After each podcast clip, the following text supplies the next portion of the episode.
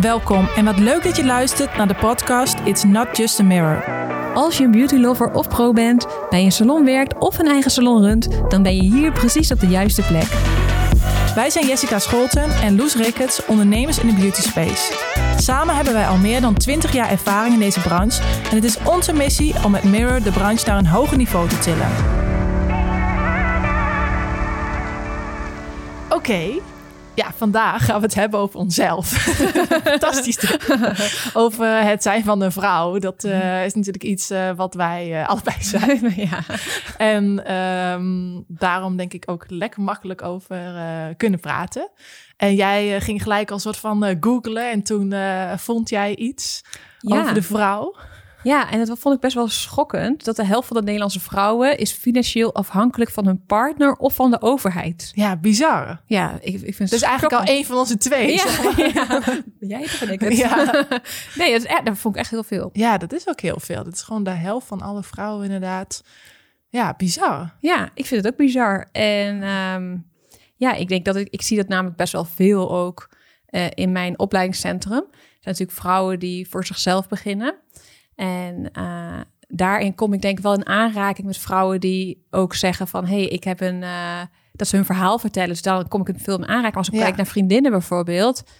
Ja, die, wer die hebben allemaal een goede baan. Dus dat is... Ja, het hangt natuurlijk heel erg af van, van je omgeving. omgeving. Ja, dat probeer ja, te zeggen. precies. En ik denk precies wat jij zegt, dat op het moment dat wij natuurlijk lesgeven aan uh, een bepaalde uh, type vrouw, dat dat misschien veel vrouwen zijn die dus afhankelijk zijn of financieel afhankelijk zijn van hun man. Ja, ja, dat is bij mij ook een beetje een tweedeling. Of ik heb dus vrouwen die echt een mega goede baan hebben en uh, bijvoorbeeld advocaat zijn en denken: ik ga het mijn leven totaal omgooien en ik, uh, ik, ik ga in de beauty business starten. Ja. Uh, maar ook heel veel vrouwen die ja, eigenlijk eindelijk iets voor zichzelf willen. Ja, en eigenlijk is natuurlijk, tenminste zo zie ik het, deze branche daar ook ideaal voor. Want je bent mega flexibel. Je kan het eigenlijk overal toepassen. En uh, het is iets natuurlijk wat je met je handen doet. Dus het maakt eigenlijk niet zo goed veel uit waar je bent of uh, waar je woont of wat dan ook. Je zou dat in principe overal kunnen doen. Ja, je kan altijd geld verdienen, overal ter wereld. Ja, dus dat is eigenlijk een soort van super uniek. En um, ja, het is wel leuk om daar even iets dieper op in te gaan. Om te kijken van, ja, uh, wij zijn natuurlijk zelf twee uh, vrouwen die echt absoluut zoiets hebben van... ja, ik wil gewoon uh, knallen en ik wil absoluut niet af, onafhankelijk, af, afhankelijk zijn van, uh, van iemand. Maakt eigenlijk niet uit van wie. Um, maar ik ben, ja, misschien is dat niet bij iedereen zo. En misschien is het wel leuk om onze ja, visie daarover te delen. Ja. Toch? Ja. Dus daar gaan we het vandaag ja, over hebben. Leuk. Um, want um, jij zei ook tegen mij van, ik heb best wel vaak mensen die dan de vakopleiding doen en die dan zeggen van, uh, ja, het maakt niet zoveel uit uh, wat ik hiermee verdien, want uh, ja, mijn man heeft een goede baan of wat dan ook. En ik denk dat dat al een, mindset is waarbij dit dus um, ja, begint. Ja, ik denk dat het daar al mee start. Als je al begint met de gedachte van, oké, okay, ik ga een bedrijf opzetten en ik hoef niet veel te vragen voor mijn behandelingen, want mijn man die verdient al genoeg ja, dan ga je al met een hele andere vibe erin. Ja, een hele andere vibe ga je erin. En um, dan is het dan heel lastig om dat te gaan umturnen. Dus ik probeer ook al meteen als mensen binnen zijn om te laten inzien van het eigenlijk te spiegelen wat ze naar mij toegeven. Van als ik dan vertel wat ik zie, dan zeggen ze: Oh ja, oh, heb ik dat zo gezegd? Ja, ja. En dat, dat is heel erg beperkend. Ja, klopt. Ja, laten we anders beginnen met uh, hoe wij uh, daarover denken. Ja, nou. Wil jij starten? Ja, ja, ik ben natuurlijk ook uh, een powervrouw die uh, nooit van iemand afhankelijk wil zijn. ook zo heel heftig. Zo. nooit. Ja, ja, dat is wel echt. Ja, dat is wel echt het ding. Hoe kan dat dan? Hoe komt dat? Nou, dat is denk ik wel een beetje ook hoe mijn ouders me hebben opgevoed. Heel erg van je moet altijd voor jezelf kunnen zorgen. Ik ben ook al vanaf dat ik mocht werken, op het moment dat ik mocht gaan werken, ben ik gaan werken. Uh, omdat ik daar zelf voorzienend in wou zijn. Ik had al dingen die ik zag. Bijvoorbeeld zag ik een, uh, een bepaalde spijkerbroek van een bepaald merk en die wou ik per se hebben. En dan ging ik dan kranten mee rondbrengen om dat te verdienen. Ja. En ik wou dan niet gaan wachten tot ik dat dan een keer van mijn ouders mocht. Nee, dat wou ik dan zelf regelen. Ja, en zo snel mogelijk. En zo dus snel mogelijk. Dus ik nam wel het hef in eigen handen. Um, dus ik denk dat het wel deels opvoeding bij mij is. Ja, want, want denk je dan dat de, dus de, de 50% vrouwen die financieel afhankelijk is, anders daarin opgevoed is?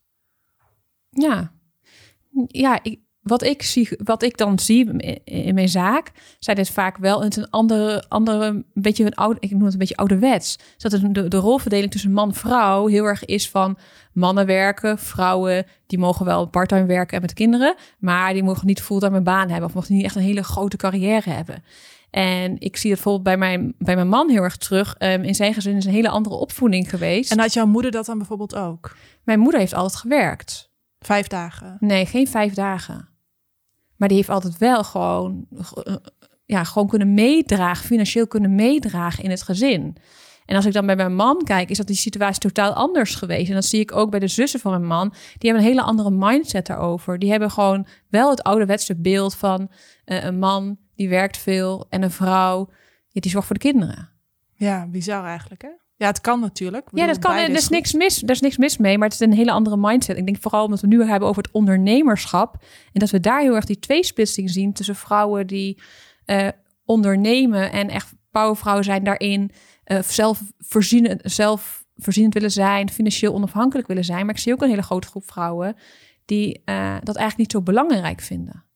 En hoe kan het dan, denk je, dat ze dat niet zo belangrijk vinden? Omdat ze, denk ik, gewoon een een partner of een, een vangnet hebben, waardoor dat niet, niet per se moet. Ik zie het ook gebeuren bij wat jongere meiden die mij komen en dat bijvoorbeeld die ouders heel erg voor hun klaarstaan en hun daar niet in stimuleren. Financieel klaarstaan. Financieel klaarstaan. Dus dat ze zelf ook niet echt moeten. En ik denk dat het een stuk, ja, toch weer die opvoeding is. Ja. Ja, ik, ik kan me dus bij mezelf niet anders herinneren dat ik zo ben. Ja. um, ja, ik wou gewoon altijd alles zelf doen. Dus dat is misschien ook waardoor dit dan zo gaat. En ook inderdaad, um, uh, tuurlijk hebben mijn ouders uh, met dingen gesupport. En ook wel uh, bijvoorbeeld kleedsgeld of weet ik veel wat van dingen kreeg. Maar als ik inderdaad extra dingen wou of nagelspullen wou kopen, ja, dan was het gewoon iets wat ik zelf moest betalen. maar ook bijvoorbeeld, mijn opleiding was toen in Hengelo. En dan daar kon ik niet met openbaar vervoer heen. Dus dan moest ik met de auto heen. Dan moest ik per kilometer moest ik daar geld voor betalen, omdat ik hun auto daarvoor gebruikte. Weet je wel? Dus ik moest best wel veel. Um, uh, mijn vader zei laatst tegen mij dat hij, uh, dat hij daar nog een beetje spijt van had. Dat hij dat ooit aan mij uh, oh, gevraagd had. ja, want mijn broertjes hoefden dat vervolgens niet. Oh, ja. Um, maar ik vond dat ook helemaal niet erg. Ik vond dat super logisch. Ik dacht, ja, ja, tuurlijk vond ik het niet altijd leuk, want dan moest ik weer betalen. maar ik dacht wel van, ja, ik ben al heel erg blij dat ik überhaupt deze auto mag gebruiken. Want anders had ik niet daarheen gekund. En ja, dat benzine kost geld. En het hebben van een auto kost ook geld. Dus ja, ik vond dat helemaal niet, um, uh, niet heel stom dat ze dat deden. Ik denk dat ze daardoor best wel mij bewust hebben gemaakt van dat dingen geld kosten. En als ik dan iets wou, dat ik daar gewoon voor moest werken. Um, maar ik, ja, ik vind het ook gewoon. Ik denk ook precies wat je zegt. Als je dan iets hebt wat je graag zou willen hebben, of wat dan ook, dat je, dat je die drive dan hebt van: oké, dan ga ik er gewoon voor werken. Of dan ga ik gewoon zorgen dat ik daar kom. Ik denk dat dat iets is wat bij ons allebei heel sterk is, waardoor we die drive heel hebben om vervolgens eigenlijk dan dus uh, onafhankelijk te zijn. Ja, zeker. Die onafhankelijkheid is heel erg belangrijk.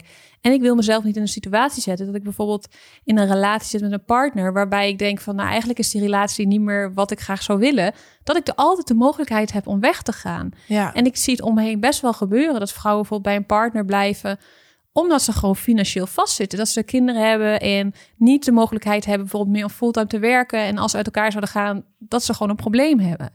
Ja, en ik denk juist eigenlijk dat deze industrie voor vrouwen, omdat natuurlijk voornamelijk vrouwen in deze industrie zitten, um, juist eigenlijk heel veel potentie heeft om wel financieel afhankelijk te zijn. Um, op het moment dat je, het, dat je het gelijk op de goede manier eigenlijk aanpakt. Ik denk ook wel dat dat een van de redenen is dat wij überhaupt het platform zijn begonnen. Omdat wij daar heel erg in geloven. En dat wij ook hopen andere mensen te inspireren hiermee. Dat het zeker mogelijk is.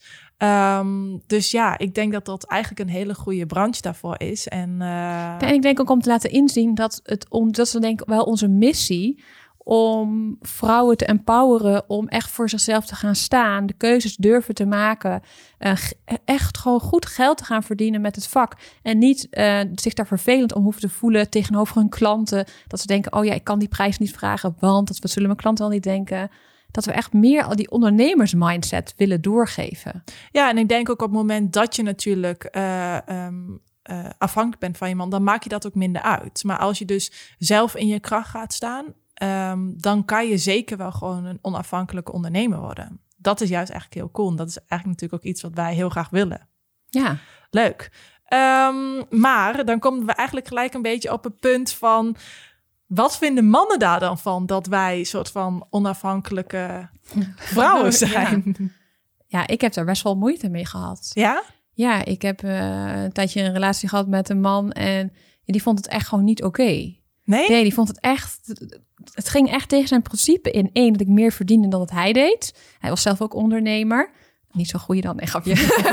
Eh, maar dat kon hij gewoon niet hebben. En ik merkte gewoon een kleine dingen dat hij heel erg te pushen van... ga een dag minder werken. Oh ja? En als we het dan over de toekomst hadden, over eventueel kinderen... en zodat hij dan zoiets had van... ja, ik verwacht eigenlijk wel dat een vrouw dan stopt met werken. En dat ik op een gegeven moment dacht... ja, maar dit gaat niet werken.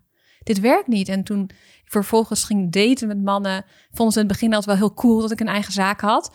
Maar in verdere dates merkte ik al snel dat ze iets hadden van... Hmm, ja, nee, ik zoek toch eigenlijk een vrouw die niet zo ambitieus is. Ja, want dat is denk ik wel heel vaak inderdaad dat, dat het ambitieuze en dat, dat eigenlijk toch dat onafhankelijke eigenlijk niet zo heel aantrekkelijk is. Of misschien op het eerste oog aantrekkelijk lijkt. En dan vervolgens denken, ja, maar dit is eigenlijk een vrouw die veel te veel haar eigen zin wil doordrijven. Of die ja, veel te eigenwijs is of I don't know wat. En dat dan toch niet zo heel erg uh, ja, aantrekkelijk misschien is. Heb ik je dat nooit gehad? Dat Nou, ik, ik zelf niet per se. Ik zit nou, nu je dat verhaal vertelt, zit ik eigenlijk een beetje daaraan terug te denken of dat, um, of dat zo was. Kijk, sinds dat ik uh, op de middelbare school zat, deed ik eigenlijk altijd al nagels en Dus dan kwam ik van school terug en dan had ik klanten. En ik weet wel dat, dat vriendjes wel zeiden van, uh, ja, heb je, moet je nou weer werken? Zo'n opmerking. Dan zit ik nou in één keer aan te denken van, ja, die, die kwamen wel, uh, die kwamen wel om mijn oren gevlogen. Maar ja, ik trok me daar sowieso niet zo heel veel van aan. Maar misschien is dat wel al een klein beginnetje van ja, dat, het, dat het eigenlijk niet zo leuk is of zo. Of vonden. Ja, nee. En ik denk dat het ook een stukje ego is van, ik zeg niet voor alle mannen hoor, maar ik denk dat bij veel mannen dat wel is. Vooral die mannen die een beetje in die, ja, misschien ook een opvoeding hebben gehad waar die man-vrouw verdeling wat ouderwetser is. Dat ze dat gewoon met hun ego gewoon niet aankunnen.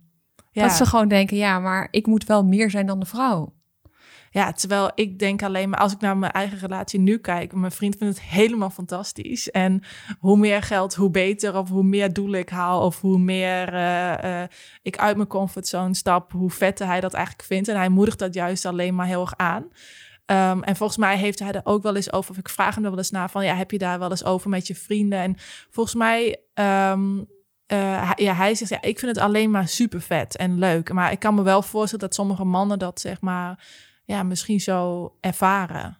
Gek eigenlijk. Ja, dat is eigenlijk gek. Want jouw vriend, die werkt. Ja. Ja, die, die is geen ondernemer. Nee, klopt. Nee, nee en hij, hij heeft altijd wel gezegd, als ik ooit nog iets... Ik wil ooit wel ondernemen. Ik weet niet of het dan... Nou ja, we gaan nu... We hebben natuurlijk samen nu een uh, bedrijf gestart.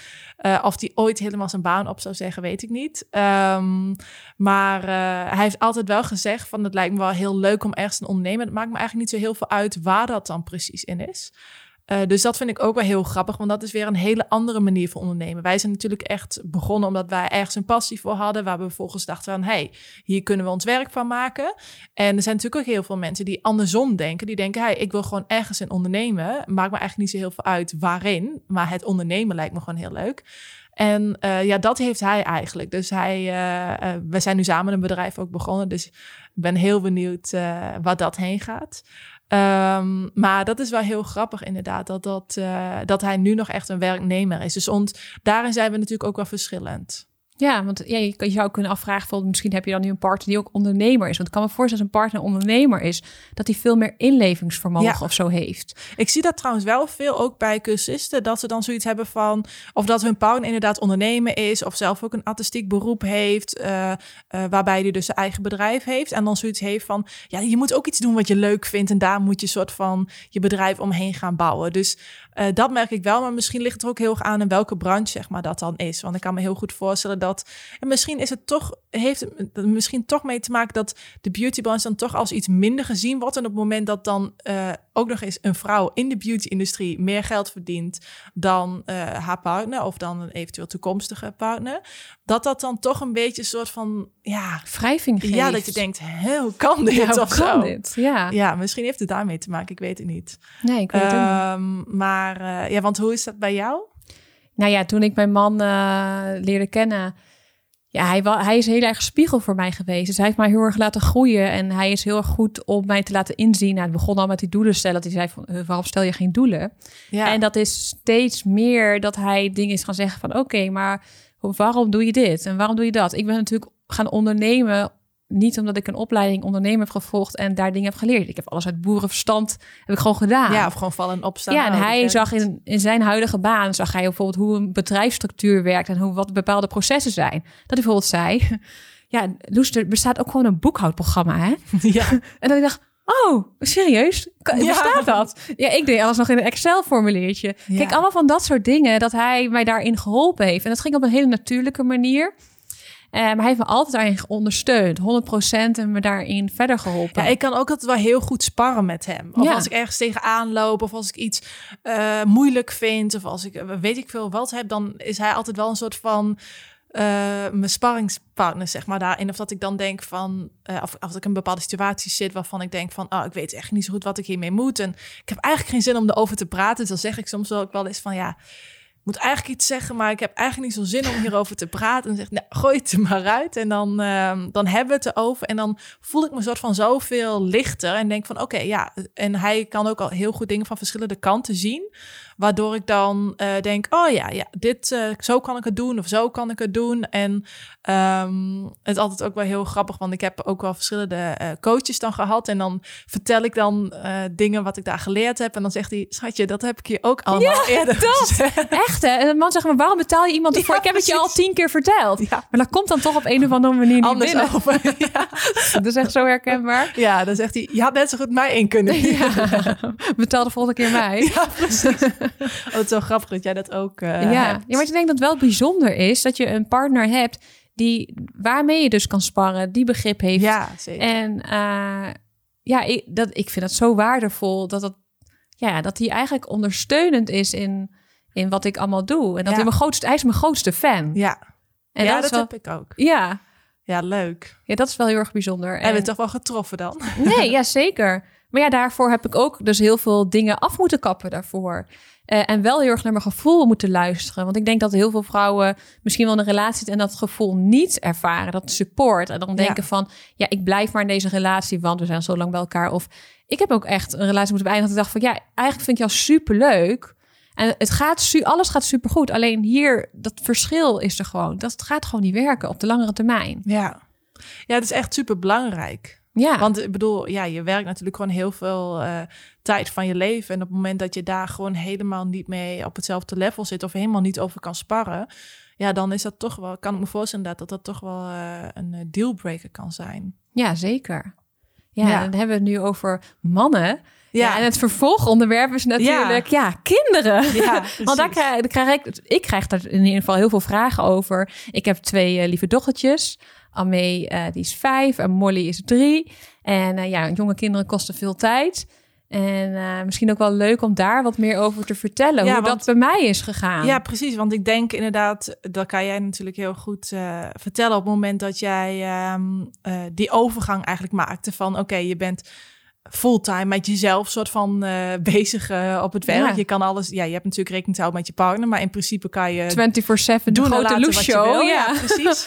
En dan in één keer verandert dat. En ook, of tenminste, uit de verandert niet in één keer. Je hebt natuurlijk een bepaalde periode dat je, dat je uh, weet dat je zwanger bent en dat je.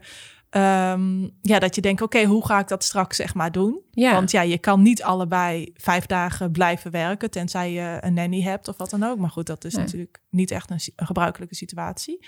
Um, dan moet je een soort van beslissing gaan maken. Ja, Toch? ja, en bij ons is dat uh, mijn man en ik hebben er ook echt voor gezeten van ja, hoe gaan we dat doen? Ik ben zelf niet van de standaard man-vrouw verdeling. Um, dus we zijn echt gaan zitten en van nou, hoe kunnen we dat doen? Mijn man, ja, met zijn werk, hij kan gewoon niet minder werken. Dat is gewoon eigenlijk geen optie. Maar ik had echt de rooskleurige gedachte van, ja, weet je, ik, ik heb een zaak, ik zet gewoon een bedje neer en een box en dan neemt die kleine gewoon mee. Dat, nou, ideale oplossing, betere situatie kan je niet hebben. En dat heb ik eigenlijk, ja, een hele zwangerschap dacht ik daar zo over. Totdat mijn dochtertje geboren werd. En ik in de praktijk erachter kwam dat het gewoon totaal niet werkt. Nee, dus jij dacht, ik ga gewoon, blijf gewoon vijf dagen Nou ja, werken? ik werkte zeven dagen. Je dacht, ik blijf gewoon zeven dagen werken? Ja, ja, ik, Met kind achter- ernaast? Ja, ik denk dat dat kan gewoon. Weet je, als ik dan zie. Ja, ik had ook niet echt vriendinnen om me heen die kinderen hebben. Dus ja, wat ik dat beeld wat ik dan heb, is dat zo'n lief kindje gewoon lekker in de wieg ligt te slapen. En ja, dan doe je af en toe een flesje in en een luier verschonen en that's it. Maar ja, dat werkte natuurlijk totaal niet zo. Nee, hoe lang heb je dat volgehouden? Ja, ja niet lang. Want dat Eén ging, dag. Ja, één dag. Ja, en wat ik gewoon heel erg merkte... is dat er gewoon ook al ligt bijvoorbeeld je kindje te slapen... je bent daar de hele tijd mee bezig. Dus het is je hele, je hele hoofd wordt erin opgenomen. En, en vooral als je kindje dan in je ooghoeken ziet... dan kan je niet zeggen, oké, uit werken. Dat werkt niet. Er is niet een switch, dat lukt niet. En toen kwam ik er al vrij snel achter... ja, dit gaat gewoon niet werken. Ja. Er moet iets veranderen. En ja, ik wil mijn kind ook niet zeven dagen in de week naar de opvang brengen.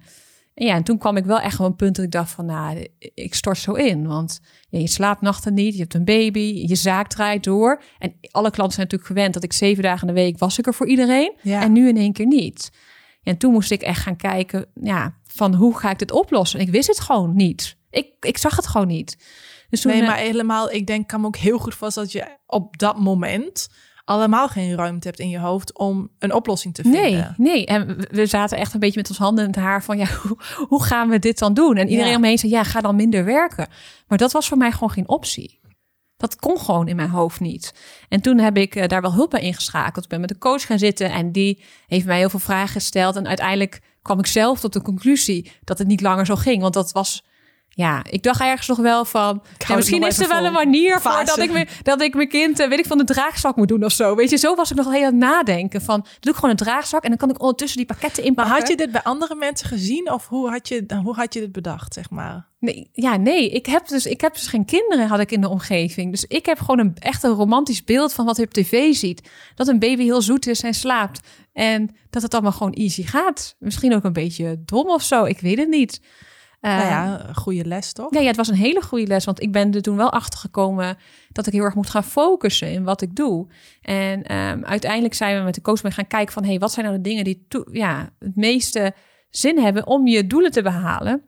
En wat ik bijvoorbeeld deed, ik had op dat moment had ik een groothandel en ik deed alle pakketten, er waren soms al nou, tientallen pakketten per dag, deed ik een cadeaupapier inpakken, deed ik een handgeschreven briefje erbij. En hij zei van, ja, wat de fuck ben je doen, Loes? Waarom pak je al die pakketjes in? Dat is gewoon niet handig. Nee. Dat ik dacht, oh ja, oh, ik kan toch gewoon mijn plakband dicht. Weet je, allemaal van dat soort dingen dat ik gewoon niet Ja, meer het zag. was, nee, het was zo erg een soort van normaal. Het was zo normaal om dat te doen. En eh, uiteindelijk ben ik drie dagen gewerkt. Dus ik ben van zeven dagen naar drie dagen teruggegaan. En het gekke is, doordat ik zo eh, ja, ben gaan zitten op slimmer te gaan werken, dat ik en minder werkte, maar wel hetzelfde verdiende. Ja.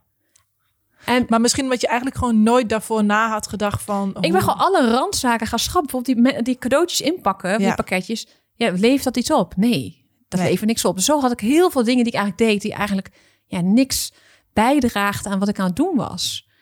En dat heeft voor mij wel voor gezorgd dat ik gewoon veel relaxer ben gaan ondernemen. Dus ik moest wel. En had je toen al personeel? Nee. Dus ja, ik heb toen wel in mijn zwangerschap heb ik personeel gehad. Maar ja, dat is ook weer, dat daar kunnen we nog een hele podcast over opnemen. Ik, ik ben gewoon niet het type. Ik vind het heel moeilijk om dingen uit handen te geven. Ja. En dat is voor mij ook een hele harde les geweest. Van ja, dat is gewoon iets wat je moet leren. Dus ik deed het allemaal alleen. Ik wou het allemaal alleen doen. En eh, ja, uiteindelijk is het voor mij wel heel goed geweest. Want daar heb ik nu nog steeds profijt van. Vooral toen mijn tweede dochtertje erbij kwam. Dat was een huilbaby. Ja, de, als, je, als je Het kind... is maar beter dat je niet andersom Nee, mijn, mijn dochter die huilde 18 uur per dag. Oh. Ja, dan, dan moet je wel... En je hebt nog een onderneming draaiende te houden. Dan moet je wel eh, keuzes gaan maken. Dus dat is voor mij wel een hele grote les geweest. Maar en toen ging je dus drie... Want ging je dan die groothandel vier dagen minder open? Of? Nou, ik ben gewoon niet meer. Oh, ik was de hele dag toegankelijk voor mensen. Ja, ja. Dus mensen konden maar inlopen. En vervolgens, als ik dan keek, had ik om tien uur liep iemand in. En om vijf uur ertussen Oh, ja. zat ik daar gewoon te wachten. Ja, ja. En toen dacht ik, ja, ik ga het alleen maar online doen. Dus het zijn allemaal switches die ik heb gemaakt... die op dat moment heel erg bij mijn leven pasten. Waardoor ik dus wel gewoon eh, mijn ding kon doen. En bij, de, bij de kleine kan zijn. Ja, grappig. hè? Nou, maar dat is dus eigenlijk... We hebben de vorige podcast natuurlijk eigenlijk een beetje over gehad van... Soms moet je in een situatie komen dat je soort van... Ja, pijn ervaart, waardoor je denkt, ah, dit wil ik, wil ik niet meer. En dat was natuurlijk eigenlijk voor jou de situatie ook heel erg van, oké, dit gaat gewoon zo niet langer. En ik moet soort van iets anders gaan doen. Maar, ehm, maar jij zegt, oké, mijn man kon niet minder werken. Uh, Jij kon in principe ook niet minder. e-, Eigenlijk Nee dus maar, wel, maar nee, maar ik heb wel een soort van gezegd van ik ga dat fixen. En dan ben ik ook wel iemand die dat dan fixt. Ik ben niet iemand die dan zegt, ja, ik trek het niet. Maar kon hij echt niet minder werken? Nee, ja, kijk, hij zou in principe, hij zou wel minder kunnen gaan werken. Ik bedoel, nu zijn er ook allemaal van die regelingen voor. Ja. Uh, maar destijds was het toch ook wel, wel minder geregeld. En ja, bij, hem, bij zijn functie is het gewoon zo. Als je, je, je kan wel minder gaan werken, maar dan krijg je een andere functie. ja. Dat is niet, dat is niet part-time Ja, maar doen. de- of, dan hebben jullie er toch voor gekozen dat jij dus moest aanpassen. ja. ja, maar ik dacht niet dat ik me moest aanpassen. Dat is het hele ding. Ja, grappig. Dus ik dacht gewoon, ja, ik hoef ik, die taken pak ik er even bij. Ja. Dat was gewoon de Ja, en op dat moment hebben jullie toen besloten van... oké, dan moet ik toch minder gaan werken. Ja, ja en, en uiteindelijk, weet je, ehm, zit je daar in die situatie en kom je er gewoon achter. Want ook al was mijn man minder gaan werken, dan had die situatie nog steeds niet houdbaar geweest. Hè? Zeven dagen werken is voor Nee. niemand oké. Dus er moest sowieso wat van. Er moest sowieso wat veranderen. En ik denk dat dat wel gewoon voor mij een hele grote stap is geweest in mijn ondernemerschap. Ja, dus eigenlijk soort van door die situatie ben je ook een betere ondernemer geworden... ondanks dat je Ja, minder bent gaan werken. ja.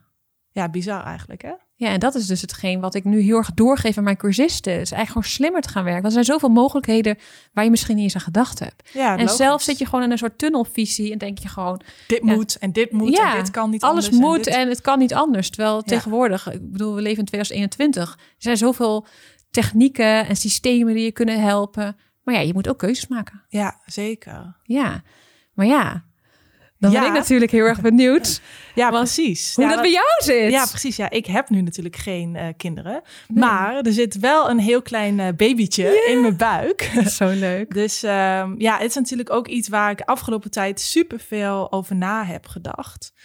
Ehm, eigenlijk al een beetje, ja, ik wil niet zeggen gepland, want dat klinkt echt een beetje raar, maar of het klinkt niet raar, maar dat is niet wel het geval. Ehm, maar ik had wel heel erg zoiets van: dit is wel echt een hele goede timing voor mij.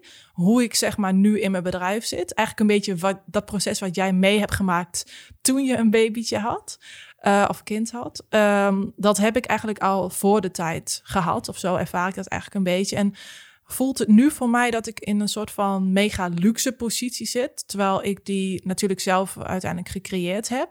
Maar niet heel eh, bewust van, oké, nu zorg ik ervoor dat ik dan deze, in deze situatie zit, zodat ik dan ruimte heb om eh, voor mijn kindje te zijn. Ehm, maar ehm, eh, ja, ik, ik ben eigenlijk ook, wat we in de vorige podcast ook over hadden, van zeven dagen werken naar vijf dagen werk gegaan. En daarin echt gaan kijken van, hey, wat zijn de dingen die ik echt super belangrijk vind en wie bijdragen aan mijn goals. Waardoor ik heel veel ben gaan schrappen op mijn lijstje van eh, taakjes die ik losdeed. En veel meer gaan werken in, oké, eh, deze dag ga ik dit doen, deze dag doe ik dit, die dag doe ik dat. En daardoor ben ik eigenlijk uitgekomen op drie dagen, dat ik drie dagen moet werken. Ehm, eh, of eigenlijk de, tijd die ik kwijt ben, die passen in drie dagen werken. En nu doe ik dat natuurlijk gewoon random overal. Want ja, het maakt echt niet uit of ik dat nou eh, s s'nachts een uurtje doe... of dat ik dat, eh, weet ik veel, op woensdag doe, zondag doe. Het maakt eigenlijk gewoon helemaal niks uit. Ehm, maar dat ik daar dan veel gestructureerder in ga werken. Dus mijn vriend gaat ook een dag minder werken. En ik ga dan eigenlijk, ja, ik voel het voor mij niet of, alsof ik minder ga werken, maar eigenlijk meer gestructureerder ga werken, omdat ik het dan meer op dezelfde dag ga plannen. Ja, en dan gaat de kleine naar de opvang. Ja, twee dagen. Lekker. Dus eh, ik ben heel benieuwd ook hoe het gaat. Ik heb in Ja, ieder maar geval kan niet... je daar een voorstelling van maken hoe dat gaat zijn? Nee, ja, ik ben natuurlijk eh eh, lakwerk samen begonnen met Saar. En op het moment dat wij lakwerk begonnen, toen was zij hoogzwanger. Eh, dus ik weet nog heel goed dat wij de sleutel op gingen halen. Of eigenlijk zelfs dat we handtekening moeten zetten dat zij echt net, eh, dat net Scotty geboren was. En dat ik soort van naar haar toe ging van, ja, sorry, ik heb je handtekening nodig. en zij lag echt, ja, bijna als een lijk op de, op de bank. En dat ik echt dacht, oh ja, ja, ja, dit is wel heftig. Omdat ik natuurlijk zelf daar helemaal niet in zat. En Nee. ja, je kan daar geen voorstelling van maken hoe dat dan echt is voor iemand.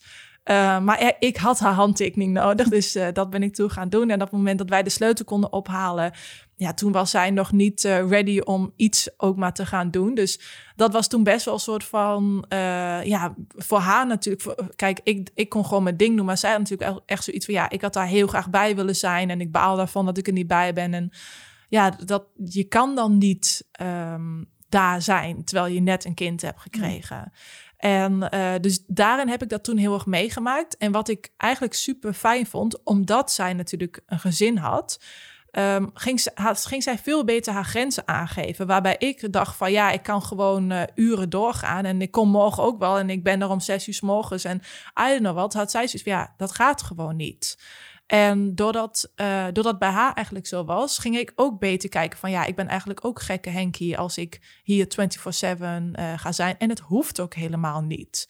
Dus dat is wel, uh, daarin heb ik het natuurlijk van heel dichtbij meegemaakt. En ook natuurlijk nu nog steeds van als we afspraken moeten inplannen en ik weet welke dagen zij beschikbaar is, ja, dan houden we daar gewoon rekening mee. Maar dat gaat natuurlijk minder makkelijk als dat, ja, voor mij, ik zeg ja, ik kan elke dag. Ja, zeg maar wanneer. Uit, ja. Nee, dat is denk ik een hele shift die je daarin moet maken, maar dat het juist wel jezelf heel erg kan laten groeien. Want ik denk dat ja, veel eigenlijk wat van ons moeite hebben. Ja. ja. ja, moeite hebben met grenzen stellen. Dat is nu wat je daar wel toe gedwongen. Want je kan Ja. niet zeggen... Oh, ik heb wel eens vriendinnen die bijvoorbeeld in de beginperiode zei van... Ja, ehm, ga je vanavond ehm, ga je mee stappen? En dat ik dacht, ja, maar ik weet niet, maar je moet een kind voeden s'nachts. Ja. Weet je wel, dat ik denk van... Niet iedereen kan zich in die situatie inleven. En door je je eigen grens daarin heel erg aan te geven... Dat moet, je moet wel op dat moment. Want ik kan niet zeggen... Oh ja, mijn kind krijgt geen eten vannacht. Nee, precies. Dat werkt niet. En dat heeft mij als persoon wel weer eh, laten groeien. Want ik was een persoon die echt een pleaser was. Ja, Mijn klanten die konden mij om zondagavond op tien uur bellen. En eh Loes die ging naar de groothandel. Dan deed de groothandel wel open voor een potje bond. ja, ja, precies. Ja, bizar hè? Ja, ik denk dat dat... Dat inderdaad het gewoon een soort van... Ja, je gaat veel beter grens stellen, maar ook ehm, kijken van... eh, wat, wat ga ik wel en niet doen? Maar je moet ook dingen loslaten. En dat is iets ja, wat ik de afgelopen tijd gewoon onwijs heb geleerd. Want dat vind ik... Ik ben echt eh, vanuit mezelf zou ik zeggen... echt een micromanager. Precies wat jij eigenlijk zegt. Ik wil dat alles op mijn manier soort van gaat. En Ehm, dat heb ik gewoon gemerkt op het moment, als je er niet bent, dan gaan dingen op een andere manier. En dat moet je soort van accepteren. En vaak is het ook gewoon zo dat dingen eigenlijk veel beter gedaan worden dan dat jij zelf had kunnen bedenken. Uh, maar omdat je zo in de vibe zit van ja, de mijn manier is het best of uh, hoe ik het doe, dat werkt. Uh, heb, heb je daar eigenlijk geen ruimte voor om daarna te kunnen kijken. En dat is iets wat, ja, wat ik de afgelopen tijd wel echt mega heb geleerd. Ook omdat, want dat is wel één ding wat super belangrijk is, dat er gewoon een team om ons heen staat die gewoon ja, super goed op ons ingespeeld is. Die weet wat we willen. Um, dat is ook heel erg belangrijk. Dat je gewoon mensen hebt die je vertrouwt en die, ja, die gewoon begrijpen waar je naartoe wilt.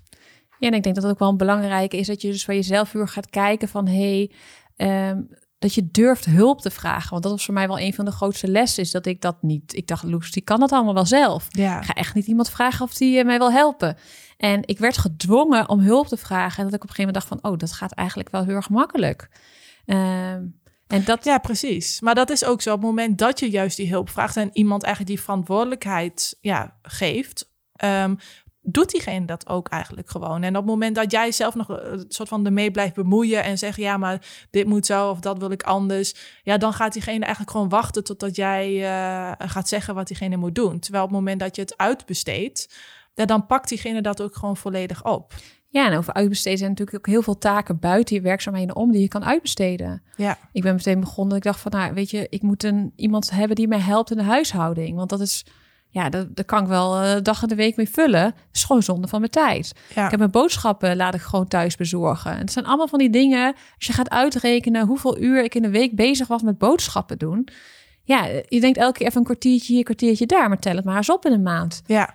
ja, en ik denk dat daarbij het heel belangrijk is inderdaad dat je gaat kijken van ook bijvoorbeeld die huishoudelijke uh, taak, zoals bijvoorbeeld het schoonmaken van je huis. Van oké, okay, in die tijd dat ik mijn huis ga schoonmaken, wat kan ik eigenlijk in die tijd ook allemaal doen? Want dat is vaak, uh, natuurlijk, het kost namelijk geld op het moment dat je zegt, hey, ik ga een schoonmaak inhuren of uh, weet ik veel wat, ik breng mijn kleding naar de wasserij. Of, I don't know wat, dat kost geld. Dus je moet bedenken van, oké, okay, um, kan ik in die tijd iets anders doen wat me eigenlijk meer geld oplevert? En als het dat eigenlijk zo is, dan is het altijd slimmer om daarvoor te gaan. Ja, en ook om gewoon toe te geven dat iemand alles wel misschien wel bezig kan. Ja. Want als ik nu kijk, als ik zelf schoonmaak of mijn schoonmaakster doet dat, dat is een wereld van verschil. Ja, en ik ben bij drie keer zo lang Bij bezig. mij gaat het ook niet zo goed. Grappig, hè? ja. Nee, en ik denk dat het goed is. eh dus daar net gaan kijken. Echt naar je gevoel luisteren. En gewoon niet te eigenwijs zijn. Ik denk dat dat wel een ding is. Ja, ik denk dat het, dat het ehm, bij lakwerk, zeg maar, voor mij het grootste ding is geweest gewoon echt het loslaten en het vertrouwen van andere mensen. Dat die het dus ook gewoon goed eh, eh, doen. Ja, Want jij zegt inderdaad, ik vind het heel moeilijk om dan iets uit handen te geven. Dus bijvoorbeeld met personeel, want volgens mij heb jij je hebt helemaal geen Jawel, personeel. ik heb wel per, ik heb nu geen personeel. Ik heb bewust iedereen. eh nou, ontslagen klinkt heel heftig. Eh, maar ik ben de hele tijd bezig. Kijk, mij, ik, ik heb op een bepaalde manier heb ik een bedrijfsmodel gekozen wat bij mij past. Ja, En waar ik heel erg achter kwam, is dat ik niet blij word van het aansturen van een team. Dat is gewoon niet mijn ding. Dat word ik gewoon niet, daar, daar word ik gewoon niet blij van. Dat heb ik heel lang geprobeerd en dan ben allemaal bochten gevrongen. En toen dacht ik, ja, als dit niet voor mij werkt, dan zijn er andere mogelijkheden. ja, En voor mij werkt het heel goed eh, om met een model te werken waar ik heel erg kijk van wat zijn de minimale dingen die ik doe om grote resultaten te hebben. En heel exclusief te werken. En dus ja, we werken. Ik, ik heb natuurlijk wel kleine taken die ik uitbesteed. Bijvoorbeeld iemand voor de Facebook ads of een, een VA die me helpt. Maar geen vast personeel meer in dienst. ja. En dat werkt voor mij gewoon heel erg goed om met ZZP'ers samen te werken. Ja, precies. Want dat is natuurlijk het verschil tussen jou en mij, denk ik. Want wij hebben eh, vijf mensen in dienst en eh 25 mensen die, ja, eigenlijk 25 ZZP'ers. En daaromheen ook nog inderdaad wat je zegt, mensen voor de website, eh, boekhouding. Ja, dat zijn, is best wel een groot team. We zijn denk ik nu in totaal met 35 mensen. Ja, dat is ehm, ja, best wel groot. En daardoor, dat kost ook heel veel tijd in het begin, maar dat levert nu heel veel tijd, zeg maar, op. Ja. Maar je hebt natuurlijk ook die verantwoordelijkheid daar wel voor. Ja, en ik denk dat daarom ook weer daar ook weer de, er zijn zoveel mogelijkheden. Ja. En kies daarbij iets waar jij je fijn bij voelt. En ik zeg, ik sluit niet uit dat ik nooit personeel neem. Eh, maar voor op dit moment werkt het gewoon voor mij het beste. Ja. ja, en ik denk ook dat dat heel goed is om echt te kijken van... oké, eh, vooral, en dat heb jij denk ik ook gedaan op het moment dat je moest zeggen van... eh, ik ga, moet minder werken. Wat echt jouw sterke kanten zijn. En kijken van, oké, welke taken worden er in mijn, ehm, in mijn bedrijf uitgevoerd... waar ik eigenlijk helemaal niet zo heel goed in ben. En ervoor te zorgen dat die taken eigenlijk uitbesteed worden. Ja, en dan wel aan iemand die dan heel goed is in één taak. Ja, precies. En dat is waar ik zelf een beetje tegenaan loop als ik een personeellid zoek. Is dat ik dan verwacht dat iemand heel veel verschillende taken heel goed kan. Ja, Terwijl bijvoorbeeld iemand die goed is in Facebook ads, die is misschien wel niet goed in het maken van een website. En ik was heet op zoek naar iemand die al die kwaliteiten bezat. Terwijl dat misschien wel een beetje een onmogelijke Ja, ik, ik herken dat wel. Dat je heel, heel snel gaat denken dat iemand zo denkt als jij. Of Ja. dat iemand hetzelfde is als jou. Maar ehm, ten eerste, dat, dat ga je nooit vinden. Want niemand denkt hetzelfde als jou. En ten tweede denk ik dat het juist heel goed is om iemand te zoeken... die andere kwaliteiten inderdaad heeft dan jij zelf hebt. Eh, waardoor die eh, bepaalde dingen kan oppakken. Maar dat betekent ook dat hij bepaalde dingen niet kan. Dus ehm, ja, dat is wel iets waar je soort van... Ja, ik denk, wij hebben daar ook natuurlijk echt wel een lange tijd over gedaan om dat te, te vinden. We zijn nu drie jaar bezig en dat is echt niet iets wat, wat je van de een op de andere dag in één keer goed hebt. Ehm, maar uiteindelijk, als je dat vindt, kan het je wel heel veel ruimte geven. Ja. En dus dat vertrouwen en kan je ook dingen loslaten. Ja. Ja, en inmiddels kan ik dat loslaten, kan ik wel. Dus dat als ik bijvoorbeeld mijn, eh, mijn boekhouding uitbesteed of mijn Facebook ads uitbesteed, dan kan ik dat ook volledig loslaten. Denk je dat vrouwen het moeilijker vinden om dingen los te laten dan mannen? Ja, denk ik wel. Waarom dan? Nou, ik denk dat heel veel vrouwen perfectionistisch zijn en mannen misschien wat meer, wat nuchterder daarin zijn. Ehm, misschien ook wat minder erop zitten. Eh, nee, dat denk ik, ja. Ik heb er eigenlijk nooit zo over nagedacht. Jij? Ja, want ik, zit- ja, ik zit daar gewoon over na te denken, omdat ehm, dat natuurlijk ook wel een dingetje is. Ja, ik weet niet, een vrouw, een vrouw als baas, dat voelt ook weer anders als een man als baas of zo. Ik weet niet of dat, dat het mijn hoofd zo is, maar of dat dat eh, bij meerdere mensen zo is. Ik heb nooit echt een baas gehad. ik heb nooit bij echt een werkgever echt gewerkt. Ja, dat doe ik een kleine bijbaantje. Maar had je niet echt een baasbaas. Nee, het ligt Ik- natuurlijk ook heel erg in welke branche je zit. Ja, ik heb het zelf nooit echt voor me gezien. Nee, maar ik denk dat het wel iets is wat veel vrouwen hebben. En dat zie ik alleen maar als het over kinderen hebben. Zie ik dat bijvoorbeeld bij vriendinnen gebeuren. Is dat zij heel erg ja, ik kan het beste met het kind, dus ik doe dat Ja, daarom, allemaal. dat daar, ik, dat, ja. ja. daar zie ik het wel heel erg terug. Ja, dat bedoel ik inderdaad ook meer om dat dan te vertalen naar eh, de werksituatie. Dat je inderdaad ook denkt van, eh, oké, ik kan dat allemaal soort van beter. Ja, maar ik weet dus niet waarom dat dan zo is. Of dat überhaupt zo is. Ik zie het bij mezelf, ik zie het bij heel veel vriendinnen. Maar of dat een algemeen beeld is, dat weet ik niet. Nee, dat weet ik eigenlijk ook niet. Nou, ik ben benieuwd of andere mensen het ook Nou. eh, vinden. Laat het ons weten. ja, nee, maar ik denk wel alle lessen die, die, ehm, die ik zeg maar in de loop van de tijd heb geleerd met lakwerk, die kan ik nu ook weer heel goed toepassen zeg maar bij de andere bedrijven. Dus dat is wel echt super fijn met dat ehm, ja, niet alles zelf willen doen, niet dat micromanagen, andere mensen daarin vertrouwen, op weten welke mensen je eigenlijk zoekt. Om gewoon veel meer los te kunnen laten, waardoor je ook gewoon veel meer kunt groeien. Maar dat is wel iets wat je echt moet ervaren, denk ik. Dat is niet iets wat je ja, zomaar als skill, zeg maar, beheerst. Nee, ja, en bij mij was dan echt denk ik vooral het schrappen van werkzaamheden en kijken echt van hey, die focus aanbrengen van Ja. wat, wat helpt om dat doel te behalen en al die rand, zoveel randzaken deed ik allemaal, maar omdat ik dacht dat dat hoorde of dat ik dat zelf dacht dat het heel belangrijk was. Ja, het is Ja. wel echt heel grappig dat dat bij ons eigenlijk zo anders is. Hè? Ja, Toch? ja, dat is heel anders. Maar ja, dat is ook weer Zo is het bij, zou het bij iedereen natuurlijk Ja. anders zijn. Want ik heb wel het idee dat we, dat we echt... Ik, ik kan me heel goed voorstellen dat ik eigenlijk in de situatie van jou zou zitten. Ik denk dat ik ook precies zo zou denken. Helemaal als ik geen voorbeeld om me heen zou zien en zoveel zou werken... dat ik echt zou denken van ja... Ja, dan kan ik gewoon erbij doen, doe ik gewoon tegelijk. Of we weet ik Ja. wat. Helemaal toen ik zeg maar die versie van mezelf was. En eh, nu denk ik echt van, oh nee. En ook als, als ik nu kijk hoe ik me eh, nu soms voel, en helemaal natuurlijk in de eerste periode, dat ik dan echt denk van, nee, ik, ik kan dit gewoon niet allemaal meer eh, in mijn hoofd erbij hebben. Dus eigenlijk altijd is je eh, zwangerschap, of tenminste bij mij is dat dan zo, dat, ik, dat je dan eigenlijk al gaat denken van, oké, dit wel, dit niet, dit wel, dit, dit moet eruit. Ja. Omdat het gewoon niet in je hoofd past. Ja, bij mij was het wel heel erg verschil tussen de zwangerschappen. De eerste zwangerschap had ik dat totaal niet. Dus ik heb echt tot de, na een uur voor de bevalling helemaal de stad heen gesjouwd. Had ik nergens last van. Terwijl bij de, bij de tweede zwangerschap eh, was ik heel erg, kon ik heel veel dingen niet handelen. Was ik heel erg bezig van, oké, dingen moeten nu al anders. Zat ik er totaal anders in. Ja, Dus het was misschien ook omdat die eerste zwangerschap zo er doorheen vloog. Ik had niet echt het gevoel dat ik zwanger was. was. Ja. Ja. maar het gekke is, ik werd niet overvallen. Want bij ons is de, dus om, een, om zwanger te kunnen raken, heeft bij ons vier, uur, vier jaar geduurd. Dus ik heb vier jaar lang ziekenhuis in en uit. Dus het was wel een heel lang proces er naartoe. Dus je zou dan denken, dan ben je helemaal mentaal voorbereid. Maar ik was dan ook al wel je type dat ik dacht van, ja, maar ik hoef geen bevalcursus, want ik hoef het gewoon niet te weten. Ik zie het wel. Ja, maar Ik dat ben is echt een beetje echt hoe jij bent. Ja, gewoon mijn kop in het zand steken dan. Nou, ik weet niet of het kop in het zand steken is. Ik vind het juist wel heel mooi dat je soort van eigenlijk gewoon vertrouwt op wat er komt. En niet zo bang bent voor eh, dingen die misschien Nee, kunnen ik denk gebeuren. dat dat is. Dat ik ben inderdaad niet echt bang. Ik denk, ik zie het wel. Ja. En ik, ik heb altijd wel een oplossing ergens Ja, voor. het, je, je- het komt altijd goed. Het komt altijd goed. Ja. Ja. Oké, als we nog eventjes eh, als eh, slotconclusie eh, onze grootste lessen als vrouwen in de onderneming, in een onderneming ehm, delen. Ja. Wat is dat dan voor jou? Nou ja, kijk, mijn grootste les is natuurlijk wat ik net vertelde, dat focus aanbrengen. En eh, de boodschap die ik dan heel erg wil meegeven is, ben er bewust van eh, hoe jij er zelf in staat. Dus ik hoop dat deze podcast ook heel erg jou laat nadenken van hoe sta ik er zelf in? En hoe is mijn situatie? Dat je daarover na gaat denken, zit ik, ben ik eh, financieel afhankelijk of ben ik dat niet? En dat je daar een bewuste keuze in maakt. En dat je niet in een situatie zit of terechtkomt ooit dat je denkt van, oh ja, oh shit, ik ben eigenlijk heel erg afhankelijk. Ja, en precies. eh, daar kan je dus nu al op anticiperen.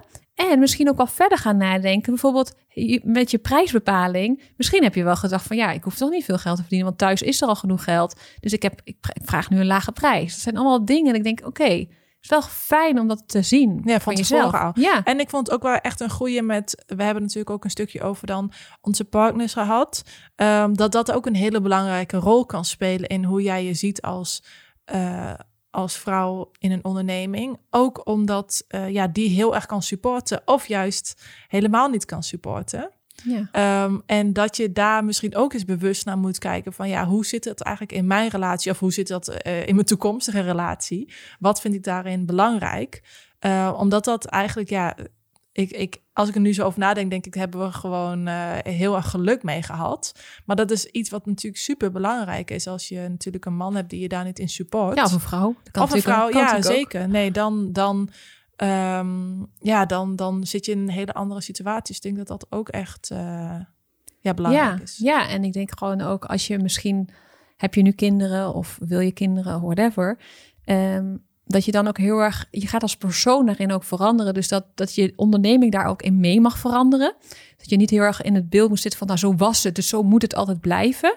Ik denk dat het mooie is van uh, dat je kinderen krijgt, dat je daarin verandert en dat je bedrijf erin mee kan veranderen. En als ik nu kijk hoe mijn onderneming toen was en nu, ja, ik zou voor geen goud meer die andere onderneming willen hebben. Ja. Um, want die past, eigenlijk is het een een, bedrijf bouwen die bij jou past. Ja. En elke keer weer opnieuw die muurtjes gaan leggen van... hey, dit past op dit moment weer bij me. En dat is het mooie van het ondernemerschap. Dat het gewoon kan mee veranderen. Ja, en ook vooral, denk ik, genieten van het proces. Dus dat dat inderdaad verandert, is niet iets slechts. Nee, dat is superleuk. En, en helemaal als je nu dus er naar terugdenkt, dan denk je wel echt van... oké, ja, dit is nu veel beter of dit past nu beter. Of ja, en het mooie is dat ik gewoon zoveel bij mijn kinderen kan zijn. Dus als mijn dochtertje bijvoorbeeld iets heeft op school en het is bijvoorbeeld op uh, dinsdagmiddag om 12 uur, ja, ik zorg gewoon dat ik erbij ben. Ik plan mijn agenda daaromheen. En ik denk dat voor heel veel ouders dat een, ja, dat ze dat niet zomaar kunnen doen. Dus dat is ook het mooie van onze branche, dat we gewoon ook die vrijheid daarin hebben. Ja, en ik vond het ook wel een mooie dat jij deelde over die perfectie. Want dat is ook wel iets waar jij denk ik heel goed in bent. Ook al bij je dan heel perfectionistisch. Ja, als je op een gegeven moment zoveel verschillende pets op bent, dan kan je niet overal heel goed in zijn. Toch? Nee, dat kan niet. Zou ik het heel graag willen. Ja. Dat ik overal heel goed in ben. Nee, maar dat kan niet. Nee. Maar dat, ik vind dat jij dat altijd wel heel goed doet. Dat je dan Um, ik denk dat ik namelijk nog een stuk perfectionistischer ben dan jou, maar dat jij dat misschien in de loop van de tijd ook geleerd hebt van, ja, dat is ook gewoon uh, prima, is ook gewoon goed. Ja, en ik denk dat dat wel voor mij die switch is geweest dat ik me dat ik mijn dochtertje kreeg, dat heeft dat ik moest die perfectionisme wel laten varen voor een deel. En als ik een misschien is een zeven voor mij is wel een elf voor jou. Ja, ja, dat is ook zo. Dat dat dat is iets wat in jouw hoofd zit. En hoeft helemaal niet te betekenen dat dat in de werkelijkheid zo is of voor anderen zo is. Nee. Ja, en voor mij is het denk ik wel echt um, dat ik niet altijd uh, alles zelf beter kan. dus um, dat is misschien ook dat perfectionisme, maar dat, dat er andere mensen zijn die dingen echt veel beter dan mij kunnen. En uh, daar ook vooral heel veel gebruik van maken. Dus niet dan denken, oh, maar dan moet ik het ook zelf zo goed kunnen. Nee, diegene kan dat gewoon supergoed. En dat is gewoon echt niet mijn kwaliteit. Dus ja, ga vooral je shine daarin uh, pakken. Um, en um, wat voor mij ook dat loslaten is sowieso ook iets wat, wat voor mij heel moeilijk was. Maar wat ik echt geleerd heb, dat op het moment dat je de juiste mensen op de juiste plekken hebt zitten, dat je dan echt dingen kunt loslaten. Dus um, vooral op het moment dat je denkt van, hey, dit voelt gewoon nog niet helemaal goed, kan je ook kijken van, ja, ligt het niet daaraan? Heb ik wel de juiste persoon om het echt aan los te kunnen laten? En dat loslaten kost gewoon tijd. Dus het is niet zo van, oh, ik heb de persoon gevonden, you, uh, nu uh, kan jij het lekker doen. Dat proces moet je gewoon goed um, overdragen. En ik denk altijd op het moment dat iemand anders het niet goed begrijpt, dat zo denk ik ook altijd bij het lesgeven, dan komt het omdat ik het zelf niet goed heb uitgelegd. Dus um, kijk altijd daarbij jezelf in de spiegel aan om te kijken van, hey, Um, Wat is mijn aandeel daarin? Ja, hoe kan dat? Dat het, dat het nu nog niet zo smooth loopt? Of uh, heb ik dat wel goed uitgelegd? Of, want er zitten vaak zoveel dingen in je hoofd, omdat jij natuurlijk degene bent die ideeën vaak bedacht heeft. Uh, moet je er wel voor zorgen om deze dan ook goed over te dragen. En dat, dat, dat al die elementen uh, eruit zijn. Nou ja, dat gaat niet vaak in één keer. Dat kon, dan zie je iets en denk je, oh, dat, ja, daar heb ik dat niet helemaal uh, goed uitgelegd. Of ja, dat kon diegene ook helemaal niet weten. En uh, dan kan je daar weer samen aan werken. En meestal als je dan wat langer samenwerkt, dan merk je echt van hey, um, diegene weet gewoon hoe ik daarover denk. Dus dat is gewoon super fijn. Ja, en ik denk voor mezelf dat het minder werken, dus niet er automatisch voor hoeft zorgen dat je bedrijf stagneert in zijn groei, maar dat het ook door kan blijven groeien. En ik denk dat het wel een angst is van heel veel ondernemers dat ze denken van ja, maar ik kan niet minder gaan werken, want dat kan niet of dan ga ik minder verdienen. Maar dat hoeft helemaal niet zo te zijn. Ja, en ik denk uh, als afsluiting misschien leuk om gebruik te maken van je underdog position. Want ik denk nog steeds dat sowieso deze branche, maar ook vrouwen als ondernemer toch gezien worden als um, ja, minder. En dat je daar juist ook gebruik van kunt maken om ervoor te zorgen dat je uh, ja, die positie juist uh, wel inneemt. Mooi. Laten we daarmee afsluiten. Superleuk. Ja, ik hoop heel erg dat we je hebben mogen inspireren met ons verhaal en uh, onze ervaring. En ik ben ook eigenlijk wel heel erg benieuwd, andere vrouwen die luisteren, die ondernemer zijn, hoe hun dat hebben ervaren. Of je nou kinderen hebt of geen kinderen hebt, of partner hebt of niet. Um, ja, ik ben eigenlijk wel heel benieuwd naar. Dan zou het te gek vinden als je uh, dat verhaal met ons uh, deelt. En uh, in de volgende podcast gaan we het hebben over de verschillende petten die je als zelfstandig ondernemer of in je bedrijf um, op kunt hebben. om ook je wat meer inzicht te geven in ja, wat je sterke kanten zijn en wat misschien niet zulke sterke kanten zijn. En hoe je zeg maar werk zou kunnen uitbesteden. Super veel zin in. Ja, heel veel zin in. Bedankt voor het luisteren en uh, tot de volgende keer. Doei doei. Dit was hem dan alweer voor deze aflevering. Dankjewel voor het luisteren. Is deze aflevering een inspiratie voor je? Of heb je iets gehoord wat je aan het denken heeft gezet? Laat het ons dan vooral weten door een shout-out of een tag op Instagram. Dat vinden we mega leuk om te zien. Tot snel bij een van onze andere afleveringen.